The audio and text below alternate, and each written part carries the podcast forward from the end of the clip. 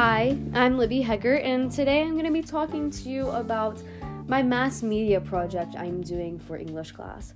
So, in these past few weeks, we have been reading stories about the freedom and the upbringing of the United States. And we've learned that freedom not, was not always gained easily to everybody in this country, and many people had to work for it. And I'm going to be focusing on a story called A Soldier for the Crown. And I really, the theme that really stood out to me whenever I was reading this story and rereading it for my project was determination. And determination really means to me that you're working so hard to get to one thing. And in this story, I feel like the main character is working so hard to get to freedom. And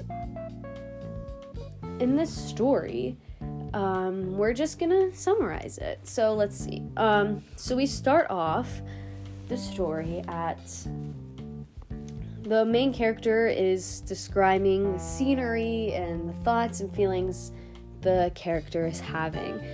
Um, the character sh- is on a ship um, right now, leaving for Nova Scotia.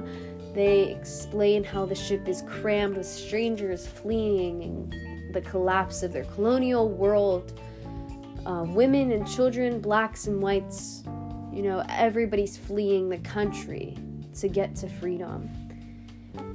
And so, as we learn, as we read more, we find out that the main character was a slave and was escaping the slave owner with the brother and cousin, Titus and Caesar. So they were escaping the slave owner to get their freedoms because back then Britain was advertising that if you come and fight for Britain, then you will be free. So they were advertising this to slaves. So they would leave and fight with Britain against the United States and get their freedom. And that is what the main character and Titus and Caesar went to do. So they escaped from their slave owner and um, left. They changed their names, they changed their appearances. So, in case there's the slave owner came after them, nobody would know that they were them. So, on this journey, Titus changed his name to John Free and changed his appearance by growing a beard. Caesar changed his name to George Liberty, and our main character changed their name to Alexander Freeman.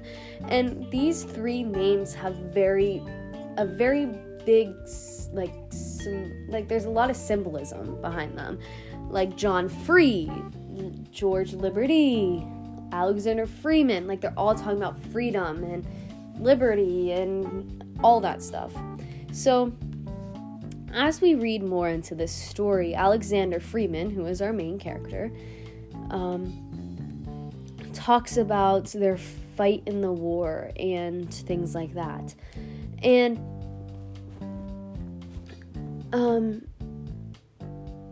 they left the US to fight for Britain um, because they were promised slavery.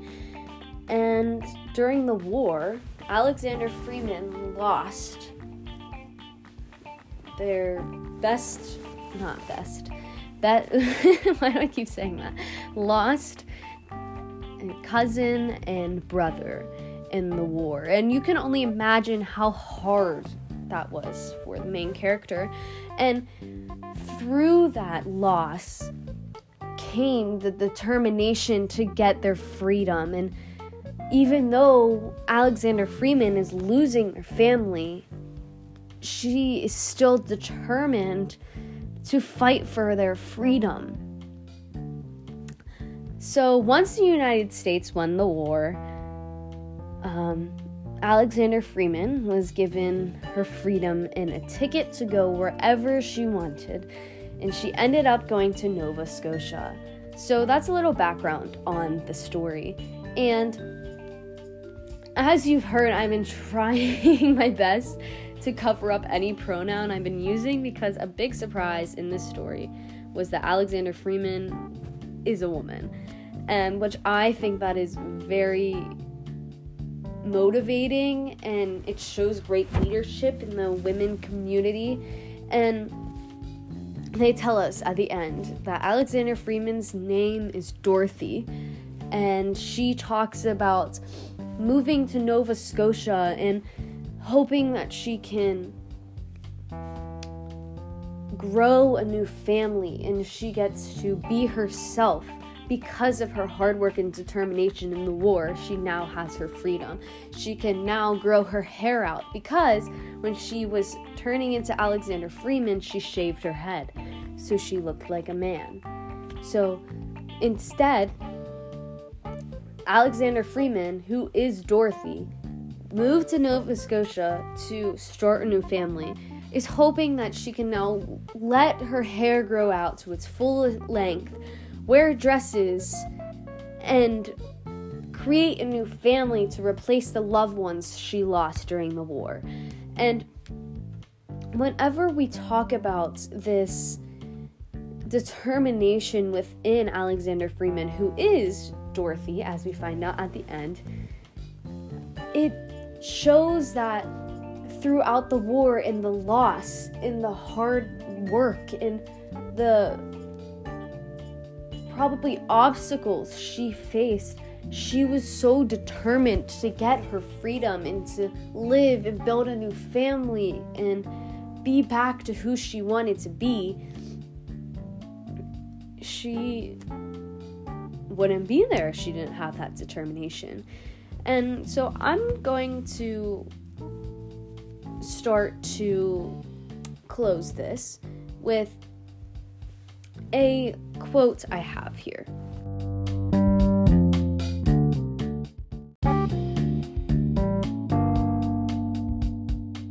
So I'm going to begin to end off of this explanation of my theme of determination with connecting this to women today. Women today are very determined.